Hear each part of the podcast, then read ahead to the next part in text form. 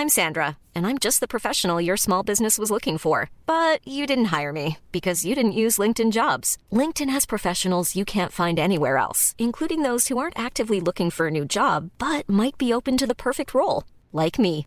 In a given month, over 70% of LinkedIn users don't visit other leading job sites. So if you're not looking on LinkedIn, you'll miss out on great candidates like Sandra. Start hiring professionals like a professional. Post your free job on linkedin.com/people today.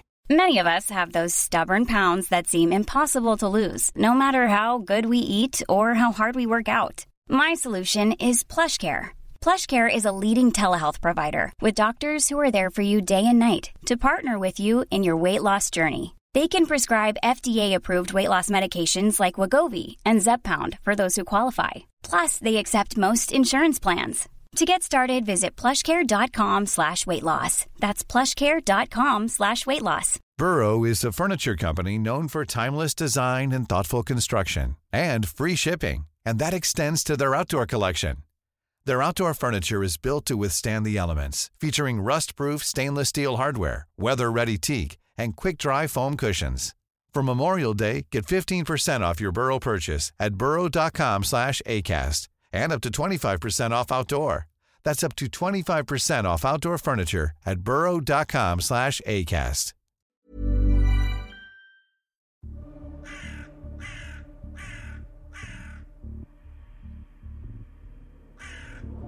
Det är tidig höstmorgon den 26 oktober.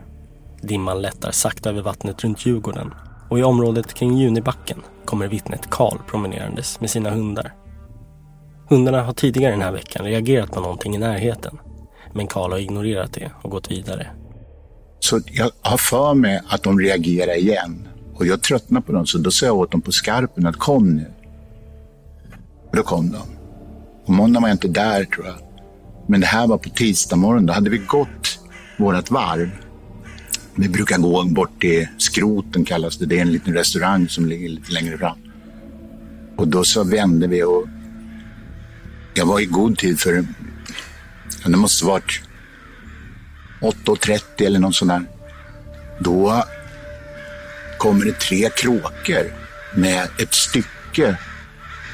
Alltså, jag trodde först att det var en kvarts gris eller något sånt där. Som de lyfte upp ifrån strandkanten och upp på den här. Det är liksom som en, vad ska man säga, det är som en liten esplanad efter kanten. Och där började de mumsa på det där. Och, men då så, jag är ju lokförare så jag har ju varit med må ganska många gånger. Så då förstod jag vad det var frågan. Så då bad jag min kompis att hon skulle gå in på restaurangen och be att få låna en säck eller någonting sånt där. Eller en plåt bara. Och lägga över det där så inte kråkorna kom åt den. Och då ringde jag polisen. Och de var tydligen riktigt på tårna för att jag kom inte mer än 300 meter innan det kom tre piketer och någon teknikerbil och några motorcykelpoliser. Och när de kom, de, de pratade inte med mig, de visste inte att det var jag som hade ringt. För vi, hade, vi fortsatte, vi skulle till jobben och sådär. Men så ringde de upp mig och då berättade jag det här. Och sen, jag har inte sett någonting mer. Det, det finns ett minne som jag inte är riktigt klar över och jag, jag har på något sätt så har jag registrerat en lila plastsäck som låg där också i vågskvalpet. Men det, det kan jag inte säga säkert. Det är liksom vagt. Mm. Så det är vad jag har att säga. Samma dag som detta fynd görs hålls ytterligare ett förhör med Anders, fortfarande som vittne. Men den här gången är det på Anders initiativ. Nu när det börjat pratas om det här på häktet så vill Anders erkänna att han inte berättat om sitt omfattande umgänge med Kenneth för kollegorna. Detta eftersom Kenneth genom åren alltmer fann det besvärande med frågorna som kom när de hade träffat varandra. Om hur Kenneth mår, hur länge han ska vara sjukskriven och så vidare. Kenneth har mycket integritet menar Anders. Och allt eftersom tiden gick och han fortfarande var sjukskriven blev detta mer och mer besvärande. Anders har därför låtsats som att han knappt umgåtts alls med Kenneth på senare år. När någon har frågat har han svarat att det var länge sedan han träffade Kenneth. Det blev helt enkelt enklare för honom. Anders tillfrågas om vad kollegorna säger på häktet om det som har hänt Kenneth. Anders svarar att det är en rätt absurd situation det här och det spekuleras en del om det där huvudet som hittats. Det spekuleras i om det är Kenneths huvud som har hittats. Men för övrigt så är det inga som har några riktiga förklaringar över vad som kan ha hänt.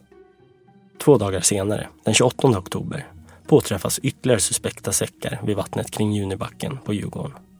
Det är en förbipasserande på cykel som gör upptäckten. Eh, det är ju konstigt. Om polisen har varit där någon dag innan och att det ligger en ny säck där och inte de har sett den helt enkelt. Så jag ringde 114 eh, 14. Fick vänta bra länge. Eh, för alltså, det kunde ha varit något annat också i den helt enkelt. Eh, så att jag ringde 114 14 och fick vänta länge där och så blev jag kopplad till polisen. Och så... Polisen kallas till platsen och man gör snart en bedömning att säcken innehåller organiskt material med förmodade kött och benrester och att man på platsen inte kunde utesluta att det rörde sig om mänskliga kvarlevor. Det kommer senare fastställas att dessa kvarlevor härstammar från Kenneth. Någon vecka senare, den 6 november, träffar Anders sin vän Bernt och hans fru. De ska besöka en kyrkogård tillsammans och Anders dyker upp med en bakelselåda i handen. Bernt som bara säger att han har något med sig frågar vad har du där för någonting? Varpå Bernt berättar att Anders lite skämtsamt ska ha sagt det är Kenneth. Bernt berättar att både han och hans fru blev förvånade att Anders kom med bakelser till dem. Det brukar han inte göra. Samt att det var märkligt att han skämtade om att det skulle vara Kenneth som låg i bakelselådan. Du lyssnar på Rättegångspodden och på den sista delen om politikern som styckade sin vän. Mitt namn är Nils Bergman. Eh, vi hade under en period eh, haft övervakning på Anders, alltså spaning. När polisen inser att Anders tycks vara den som stått Kenneth närmast och som umgåtts frekvent med honom under sommaren väljer man att delvis ha honom under uppsikt. Vi hör Tobias, gruppchef för denna spaningsgrupp. Den 9 november befinner de sig nere i Nyköping och spanar utanför Anders lägenhet. Vi hade observation på garaget. Vi hade observation på hans eh, port till hans bostad. Och sen mot lunch, någon gång runt ett skulle jag säga, så går han till garaget, tar sin bil, åker tillbaks till porten. Tobias observerar att Anders går in i sin port och sedan kommer ut igen fem minuter senare. Han har då med sig vad spanarna upplever som en nedmonterad soffa. Vi tyckte det här var uh, intressant och vi bedömde att det här ska vi fortsätta spaningen under dagen och se vad, vad Anders göra med den här soffan. Så vi följer efter honom och eh, han fortsätter in på mindre vägar som sedan leder till den här avfallsanläggningen. Tobias bevittnar hur Anders börjar slänga ner möbeldelarna i en stor container. Planen är att snabbt säkra dessa föremål, men ett problem uppstår i form av ett kraftigt skyfall. Det blir nu bråttom att säkra dessa föremål innan de blir för vattenskadade. Hur som helst, jag eh, hinner ju se att Anders slänger allting i den här. Sen lämnar han snabbt plats. Då bestämmer vi oss för att låta Anders eh, iväg här. Vi behöver inte se exakt vad han gör nu, utan nu är det viktigt att säkra det här beslaget. Nästa problem som uppstår är att en grävskopa är på väg mot containern för att demolera och packa innehållet. Samtidigt som Anders fortfarande är kvar på området. Med risk för att bli röjda av Anders tvingas Tobias och hans grupp vänta tills Anders gått utom synhåll innan de kan hoppa ut och försöka stoppa grävskopan. Jag hinner hoppa ut där trots att de har börjat packa ihop i containern så hinner jag ut och då får jag visa min polislegitimation och har på jag förklarar för dem att jag kommer ta den här soffan i Haag. Och de var såklart nyfikna hjälpte mig med sop. Tobias och hans spaningsgrupp samlar ihop och säkrar delarna som precis får plats i bilen och kör sedan till polisstationen. Det framgår dock att det inte var en soffa utan i själva verket en fåtölj. Mer specifikt är det just den fåtöljen som Kenneth satt i när han blev skjuten i huvudet. Det har alltså tagit Anders över två månader att få tummen ur och göra sig av med detta mycket viktiga bevisföremål. När kriminalsökhundar tränade för att känna igen liklukt, luktar på fåtöljen, reagerar de och markerar ett ställe på fåtöljen. Snaran dras nu åt runt Anders som nu betraktas som huvudmisstänkt för mordet på Kenneth. Dagarna senare grips Anders och en husrannsakan görs i hans lägenhet i Nyköping. Och den 18 november tas han in på förhör. Nu inte längre som vittne utan som misstänkt för mord och brott mot griftefrid. Anders förnekar samtliga brottsmisstankar. Han informeras om att polisen har gjort en husrannsakan i hans bil och att kollegan direkt kände likdoft när han öppnade bagageluckan. Anders tillfrågas om han har något att säga om det, men svarar att han inte har något att säga och vill prata med sin försvarare. Paus klockan 13.26. Återupptaget förhör klockan 13.32. Nu med försvarsadvokat Louise Gundven närvarande. Anders tillfrågas om hur det kommer sig att det luktar lik i hans bil. Han svarar att han inte vet varför, men att han också känt att det luktat konstigt i bilen sedan några veckor tillbaka. Han har tänkt att det är gamla sopor som luktat. Anders informeras om att en likhund har luktat i bilen och markerat på ett ställe. Anders svarar att han inte har något att säga om det. Han tillfrågas om han har fraktat delar av Kennets kropp i sin bil och Anders svarar nej. Han tillfrågas om han har tillgång till vapen eller vapenlicens men svarar nej på båda frågorna. Han får frågan om han inte känner sig redo att svara på frågor idag. Så kan man säga, svarar Anders. Förhöret avbryts. Och jag vet ju att du har haft en helt annan berättelse inledningsvis under polisförhören. Mm. Och Det stämmer väl att inledningsvis då förnekar du allting som hade med mord och även brott mot griftefriden att göra? Ja, precis. Och varför gjorde du det? Jo, därför att eh, allt, allt det här som har skett efter hans död, det var ju just för att eh, eh, jag inte ville ta konsekvenserna av det hela. Och den linjen höll jag fast med, kanske i viss envishet. Eh, Kanske lite enfaldigt länge. Det är Kennets anhörigas målsägande beträde som hörs ställa frågor. Han reagerar på Anders konsekventa nekande till inblandningen i mordet på Kenneth.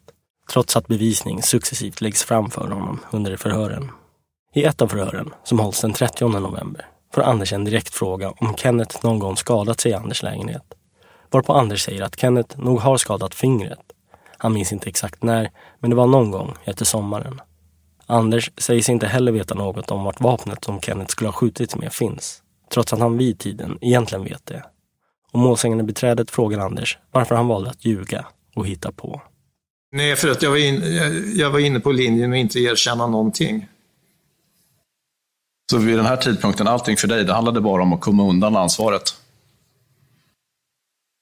Ja, i den här situationen då, ja. ja. Precis. När du har lämnat de här uppenbart felaktiga uppgifterna tidigare, varför ska vi tro på någonting av det du säger nu? Ja, det är eh, precis. Mycket, mycket, det mesta av det som sägs nu, det går ju att eh, bevisa på annat sätt, att det stämmer överens. Det jag säger nu. Så det är väl ganska... Under hösten 2021 och in på våren 2022 hålls flera förhör med Anders, där han konsekvent nekar. Och jag ska gå vidare nu. Det hölls ett förhör den 16 mars. Och då, det här är på sidan 591. Då konfronteras du med uppgifter om att det är en likhund som har markerat direkt i din bil, att det luktade lik på din inglasade balkong, att det fanns tändsatspartiklar i din lägenhet, att Kenneth var skjuten i huvudet och så vidare. Eh, Kommer du ihåg vad, vad du sa när du blev konfronterad med de här uppgifterna? Nej, det gör jag egentligen inte, mer än att eh, jag har förnekat kännedom eh, fortfarande vid, vid den tidpunkten. Men alltså hur jag uttryckte mig så jag har jag inget minne av. Men det är fortfarande så att jag förnekar allting, eller hur? Ex- Exakt, du förnekar all inblandning.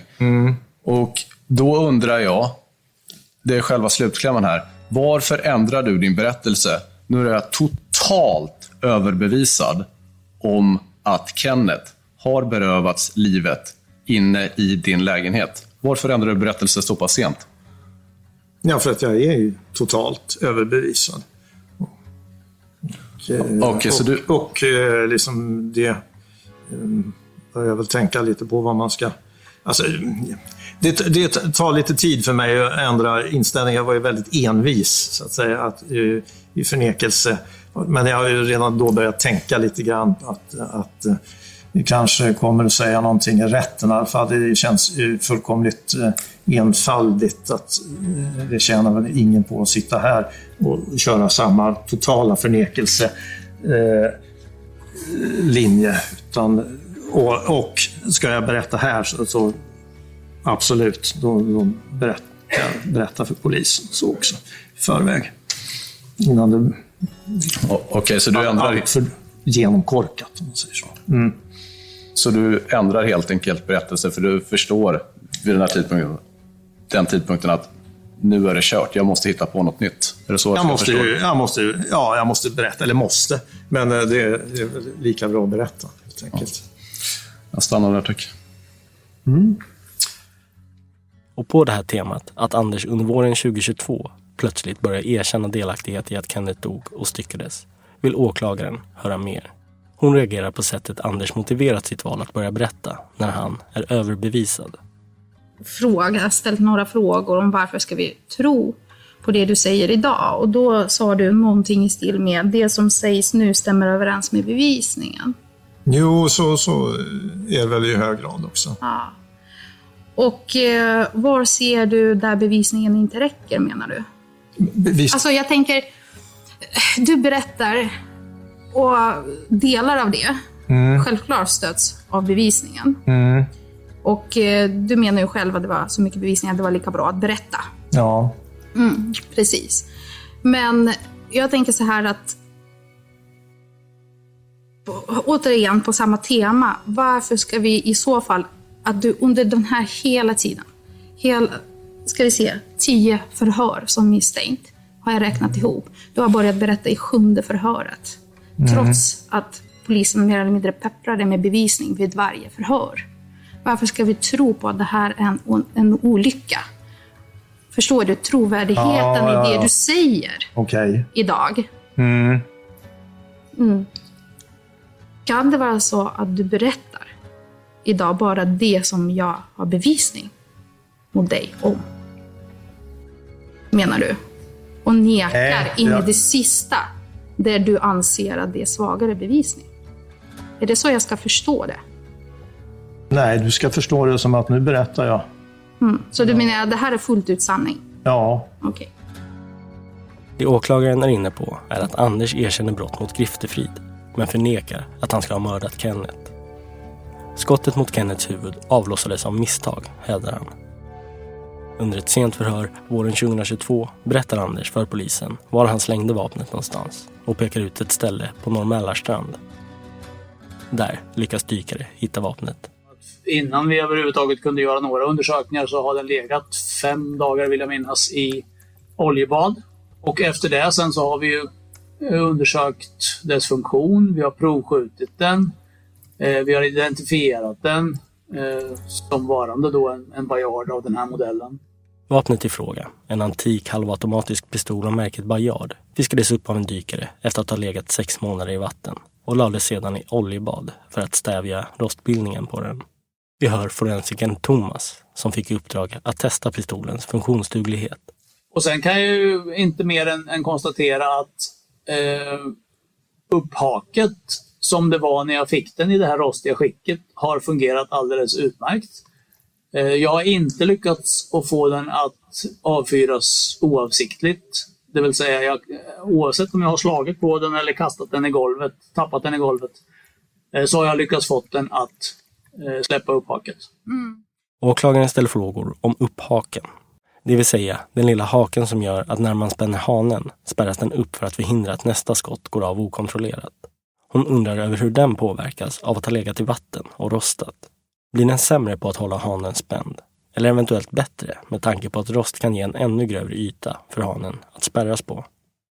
Men jag har, när jag gjorde mina mätningar på eh, och mäta trycket då, som alla var över 5 kilo, mm. då hade jag faktiskt föregått provskjutnings, alltså när jag har, eller provtagningen. Så jag gjorde faktiskt 150 blindavfyringar innan jag började mäta. Jag tänkte som så att skulle rosten då ha påverkat i en eller den andra riktningen så kanske jag kunde få komma till en mer, eh, Alltså att få bort eventuell påverkan av rosten. Mm. Eh, Men jag märkte ingen, det var fortfarande över 5 kilo efter de här 150 blinda fyringarna. Så att eh, min bedömning är att det sannolikt inte har påverkat i en negativ riktning med rosten. Men som sagt, det är en bedömning och den kan vara fel. Trycket som krävs för att avfyra den här pistolen mäts upp till mätinstrumentets maxvärde på 5 kilo. Och 5 kilos tryck är mycket. Polisens tjänstevapen ligger på 2,1 till 2,3 kilo och är justerat till denna nivå för att minska risken för oavsiktliga avfyrningar. Eh, Ja, du nämnde ju här att eh, avtryckarkraften var väldigt hög. Kan du berätta vilket mätintervall ni använder er av? Vilken skala som finns där? Ja, just det här mätinstrumentet som jag har använt så mäter den upp till 5 kilos tryck. Så eh, upp till 5 kilo och den börjar på Den, den börjar ju på ja, strax över noll. strax över noll. Ja. Så 5, då slår man i taket så att säga.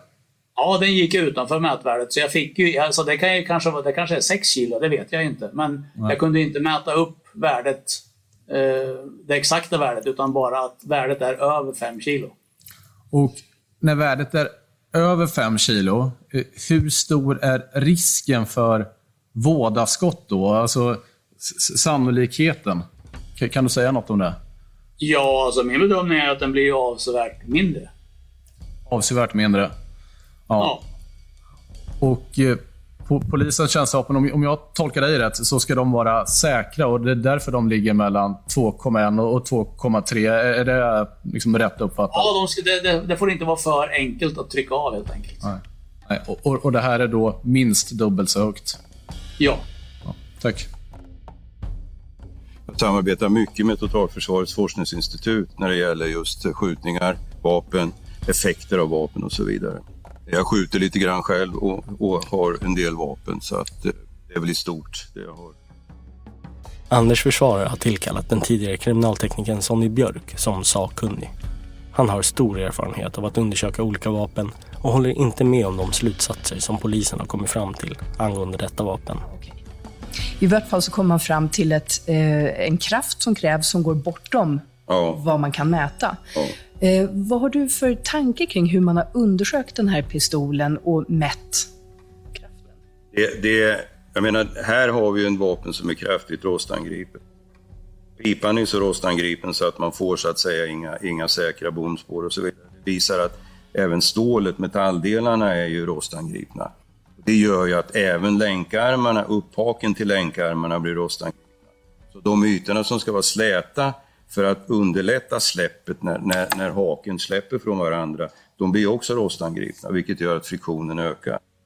Så det är inte alls förvånande att man får en högre avtryckarkraft på det här vapnet som har legat i vatten.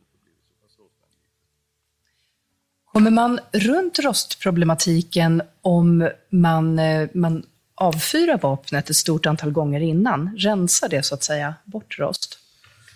Det, alltså jag kan ju tänka mig att friktionen ytorna emellan kan väl göra att man får en viss minskad friktion. Eh, men, men jag menar, den här rost, rostangreppen som blir, de är ju i metallen. Eh, det är ju inget ytligt. I början kan man ju ha ytrost, men, men den går säkert bort. Men, men eh, eh, det, det är... Alltså en viss friktionsminskning kan man säkert uppnå om man avfyrar det många gånger. Men, men eh, ja, jag vet inte hur mycket. Vi fick en uppgift här innan om att eh, man hade gjort 150 blindavfyrningar för att försöka minska eh, påverkan av korrosion. Vad tänker du kring det? Alltså det, i, I det här fallet, det spelar ingen roll vad man gör med vapnet i nuläget. Man kan aldrig återskapa det skicket vapnet var i när den här, den här händelsen skedde. Så hur mycket man klickar, avfyrar och så vidare, så har man rostangreppen i de här ytorna, i länkarmarna. Det, det spelar ingen roll hur mycket man, man... Du kan aldrig komma tillbaka till det läget som vapnet var Mm. Okej. Jag eh, tänkte bara fråga, här har man ju testat vapnet genom att eh, slå på det och, och tappa det i marken. Ja.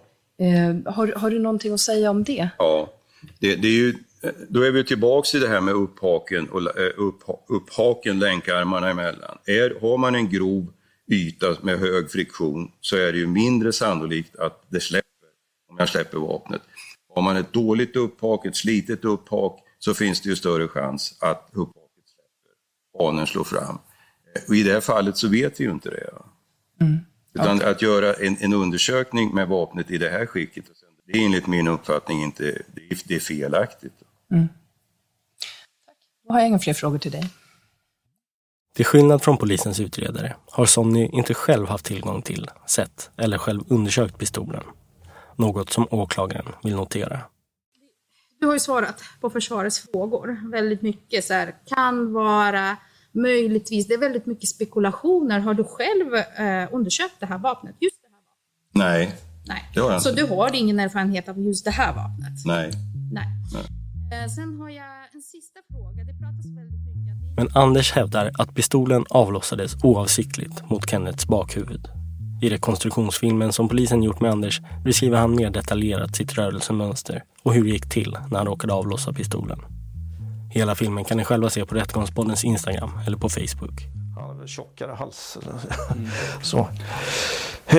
Men gör som så att du kommer runt, runt hörnet och går kommer. in och så berättar du steg för steg Ja, vad som händer. jag behöver inte... Jag kom in genom ingången här då. Och eh, ja, bara ta av mig skorna. I princip säger väl någonting så här, jag hittar ingen nyckel där heller. Och sen så kommer jag in, han säger väl någonting. Eh, nej, jag förstod det. Eller något, jag minns inte alls vad han säger där. Men jag kommer hit.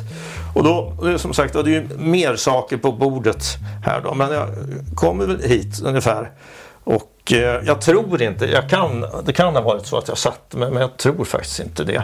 För det går ganska eh, fort. Jag såg den. Och så får jag se den här eh, pistolen där och han säger det här då som jag sagt. Ja, vad ska du ha den där till? Ska du skjuta mig eller dig? Och jag svarar ingenting men tog den där och så, så, där någonstans smällde det. Ja. Vi har tittat på en rekonstruktionsfilm. Känner du att den filmen speglar så som det verkligen var då där på plats? Ja, det tycker jag. Alltså, när, man, när jag ser på filmen, då ser jag ju utifrån. Det blir ju helt annorlunda. Men, men själva rekonstruktionen har jag ju försökt göra så, väl jag kunnat utifrån hur jag minns det hela. Mm. Anders menar att hans pistol redan låg framme på soffbordet framför Kenneth när han kom hem. Det var alltså inte Anders som tog fram den från sin byrå i sovrummet där den vanligtvis förvarades. På något sätt måste Kenneth ha varit där och rotat, hittat pistolen och lagt den på köksbordet. Det är Anders försvarare, Louise Gunven, som ställer frågor om hur rörelsen exakt gick till när skottet avlossades. Och du visar ju i rekonstruktionen hur du, som, eh, du gör en rörelse. Vad var, Mm. vad var syftet med den rörelsen? Ja, syftet med den rörelsen det är väl lite grann avreagera mig själv, så att säga. Som jag jämför med att slå näven i bordet. Här. Lite ilsken, man behöver göra någonting fysiskt. Fanns det någon tanke på att du faktiskt ville eh, träffa honom? Inte genom att kanske skjuta av, men med, med vapnet? Nej, nej, nej, det var inte meningen att jag skulle slå honom i huvudet.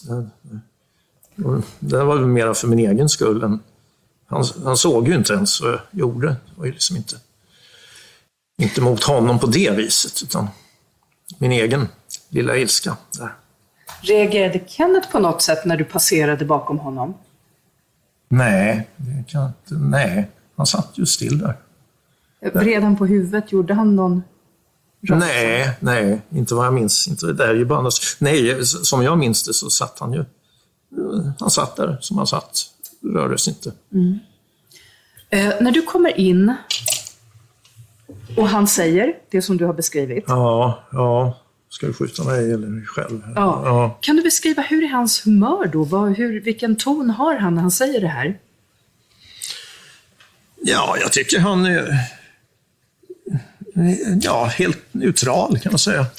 Det är klart det är en fråga, lite ifrågasättande, men det är ju inget, eh, humöret är väl helt neutralt. Sen gick skottet av. Eh, Du har beskrivit Mm. vad som hände efteråt.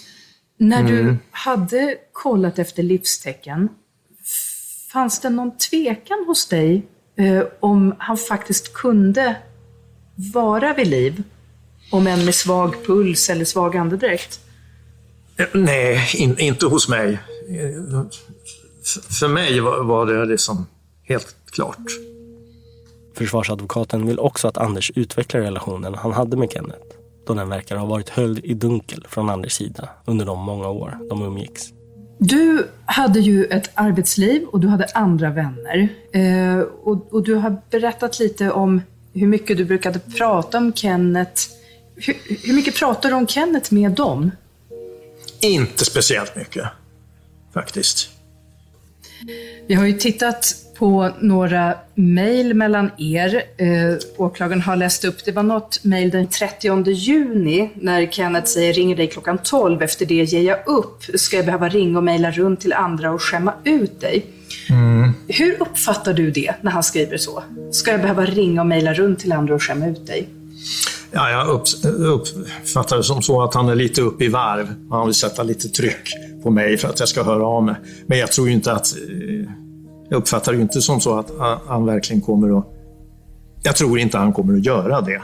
Han säger det, att han kommer att mejla runt till andra för att skämma ut mig. Jag tror inte på det på riktigt. Utan han är, han är lite ilsken och tror att han får lite fart på mig på det där viset.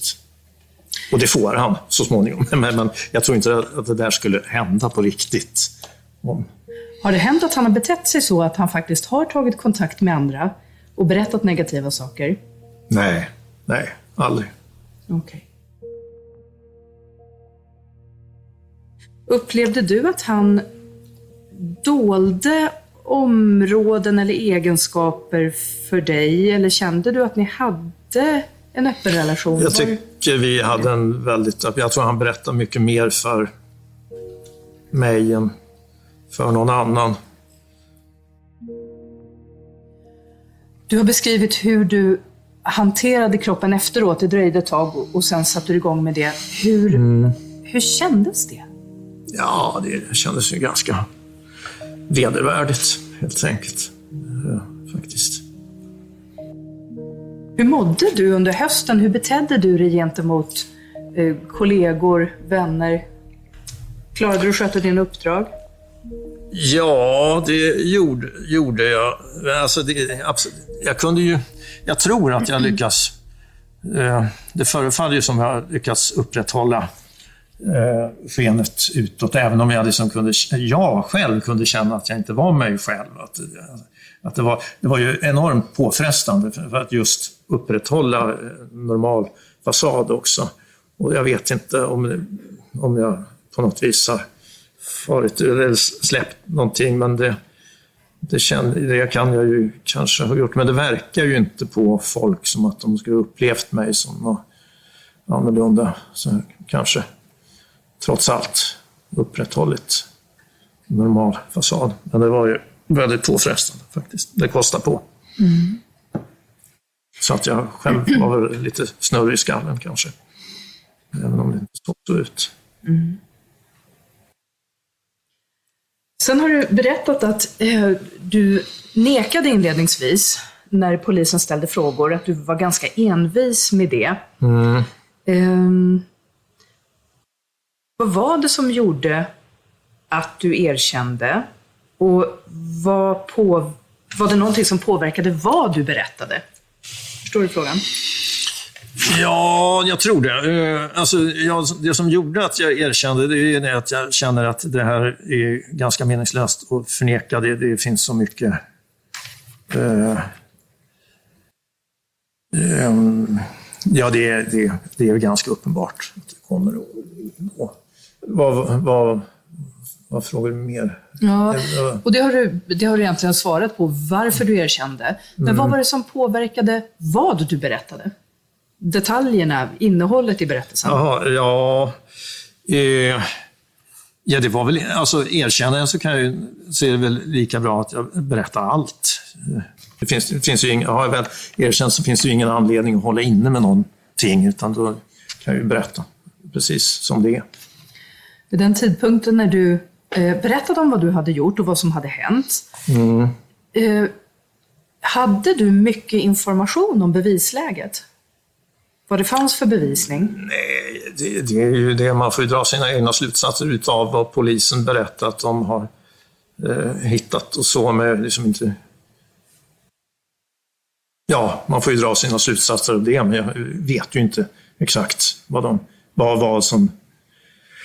Ja, jag har ju ingen exakt bild av bevisläget på det viset. Jag har ju inte läst någon, någonting. Och den bild du hade fått, påverkade den vad du faktiskt berättade, innehållet i berättelsen? Nej, det kan vi inte påstå, utan när jag berättar så berättar jag ju allt. Many of us have those stubborn pounds that seem impossible to lose, no matter how good we eat or how hard we work out. My solution is PlushCare. PlushCare is a leading telehealth provider with doctors who are there for you day and night to partner with you in your weight loss journey. They can prescribe FDA-approved weight loss medications like Wagovi and Zepbound for those who qualify. Plus, they accept most insurance plans. To get started, visit plushcare.com slash weight loss. That's plushcare.com slash weight loss.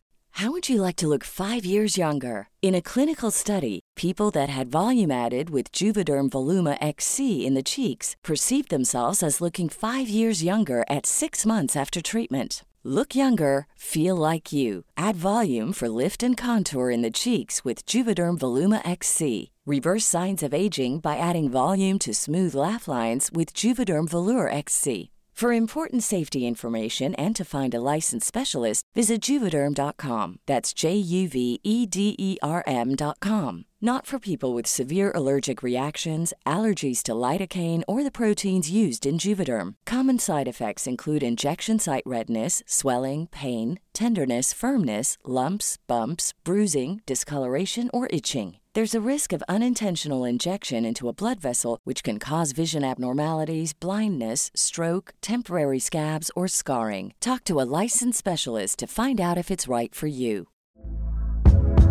Hey there, it's Michelle Norris. I'm host of a podcast called Your Mama's Kitchen. When I travel, I'm usually looking for a way to find a taste of home when I'm not at home. And one of the things I love to do when I am at home is entertain. And Airbnb allows me to do that. When I was in California recently, I rented a house that had a great kitchen. And when we were sitting around the table, we're all thinking, we're in someone else's house. Someone could be in all of our homes as well. If you have a home, but you're not always at home, you have an Airbnb. Your home might be worth more than you think. Find out how much at airbnb.com/slash host.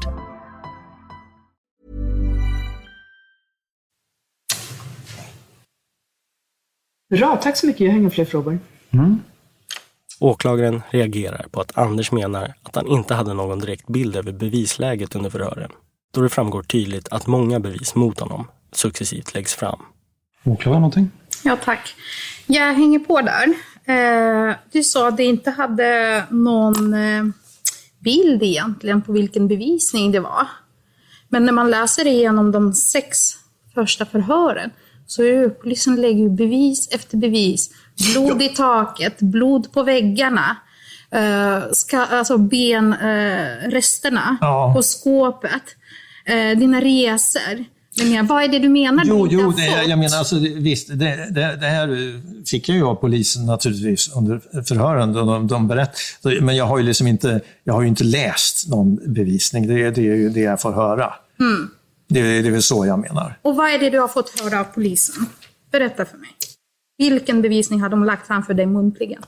Eh, ja, till exempel eh, blodstänk, eh, liklukt. Eh, jag kommer inte ihåg alla, alla saker eh, faktiskt. Eh, så, så småningom eh, kom ju även det här mitt rörelsemönster. Eh, bilen har setts här och där och så. så.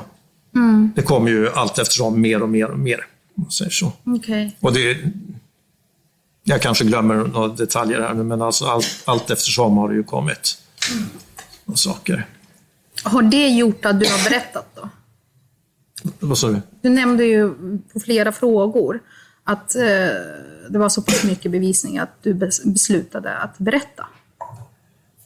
Ja, eh, det är klart att det påverkar naturligtvis. Hade det inte funnits någon bevisning kanske jag håller mig längre. Det, det är möjligt. Okay.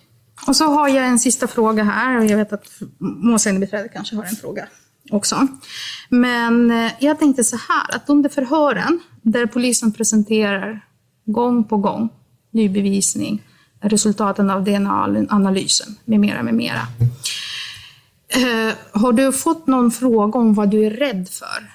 Varför berättar du inte? Vad är du rädd för? Det kan jag väl, eh, det kan jag väl ha fått. Eh, och eh, om jag minns rätt här nu så, så eh, eller om det är rätt tillfälle. Antingen har jag sagt att jag är inte rädd för någonting eller så är det, det helt uppenbara som jag har sagt att vid någon annan alltså det, det är klart, jag sitter ju här och riskerar livstidsfängelse. Det, det, mm. det är klart jag är rädd för det. Och på frågan, vad är det värsta som kan hända om du berättar? Ja, jag tror att jag kanske har svarat, jag minns inte, ungefär samma sak. Mm. Eftersom minnet är inte alltså, ungefär samma sak kanske, så vill jag gärna med rättens tillstånd läsa upp exakt vad som sades mm. under det förhöret. Mm. Det är på sida 9, eller 494. Och då tänker jag att läsa upp 1, 2, 3, 4, 5, 6. Från rad 6 uppifrån, just för att du ska få sammanhanget med också. Mm. Så det blir lite rättvis uppläsning. Ja. Då sa jag så här, som Ulf precis säger, då är det Ulf Höglund då, som var biträdande förhörsledare då. Det är förhörsledaren som ställer frågan. Som Ulf precis säger, och vi kommer att presentera vår teknisk bevisning pö om pö. Men att du sitter och säger, jag vet inte, jag tror kanske. Det hjälper inte oss, inte dig heller. Eh, nej, eh, men jag svarar ju så som jag tycker att jag kan, säger du. Mm så att säga. Vad är du rädd för? Frågar förhörsledaren. Vad är det värsta som kan hända? Mm. Och då svarar jag, ja, det värsta som kan hända det. Det värsta som kan, ja, du menar nu och här alltså. Det värsta som kan hända, det är väl att jag åker in på livstid. Det är naturligtvis det värsta. Mm. Har du sagt så? Ja, ja, det känner jag igen. Det, absolut. Jag har inga fler frågor, tack. Mm. En sista fråga, Anders. Eh, du har ju gjort väldigt mycket för att komma undan här. Du har styckat kroppen, placerat bort eh, delar och sådär. Mm. Och mot den bakgrunden, då undrar jag, om det nu är så att Kenneth har hållit i den här pistolen, varför gjorde du då rent den? Jo, för att jag har ju också hållit i den. Men om han har hållit i den, då hade det kunnat finnas fingeravtryck och DNA från honom. Det hade ju kunnat bekräfta dina uppgifter i det här avseendet. Ja, så, då, ja, så, ja. så då undrar jag ändå, varför gjorde du rent den? Ja, för att jag tänkte, tänkte ju inte på det viset då. Jag, då tänkte jag ju göra mig av med den och jag vill inte att det skulle finnas några fingeravtryck överhuvudtaget. Eller DNA på den. Men framförallt naturligtvis alltså, mina. Tack. Mm. Jag har två frågor till som han får. Anders värsta farhågor, att dömas till livstidsfängelse, kommer inte att besannas. Men han döms för både mord, brott mot griftefrid och grovt vapenbrott. Den 12 juli 2022 faller tingsrättens dom där man skriver citat. Rätten delar inte Sonny Björks bedömning. Den aktuella pistolen har, trots att den legat i vatten, fungerat utan anmärkning. Det finns därför starka skäl att anta att pistolen fungerade utan anmärkning vid dödsskjutningen. Provskjutningen av pistolen och referensvapnet talar mycket starkt för att den som skulle skjuta med pistolen behövde använda betydande avtryckarkraft. Den omständigheten talar i sin tur mycket starkt för att pistolen avlossades med avsikt. Anders Eberhardt tillkallade inte hjälp efter att Kenneth dött. Han bestämde sig istället för att göra sig av med kroppen genom att stycka den i mindre delar med hjälp av yxa, såg, kniv och sax. Han gjorde sig därefter av med delarna vid olika tillfällen och på olika platser. Rätten anser att Anders agerande efter det dödande skottet och hans behandling av Kennets lik talar klart mer för att skottet avlossades med avsikt än att det skedde av misstag. Sammantaget bedömer rätten att Anders berättelse och den bevisning han åberopat till stöd för sin version av händelseförloppet inte förtar bevisvärdet av åklagarens bevisning. Rätten anser således att det är ställt utom rimligt tvivel att Anders vid skottögonblicket avsåg att döda Kenneth. Anders ska därför dömas för uppsåtligt dödande. Anders Eberhardt döms alltså för mord och brott mot griftefriden och grovt vapenbrott till 16 års fängelse vilket också senare fastställs av hovrätten. Du har lyssnat på Rättegångspodden om politikern som styckade sin vän. Mitt namn är Nils Bergman. Tack för att ni lyssnar.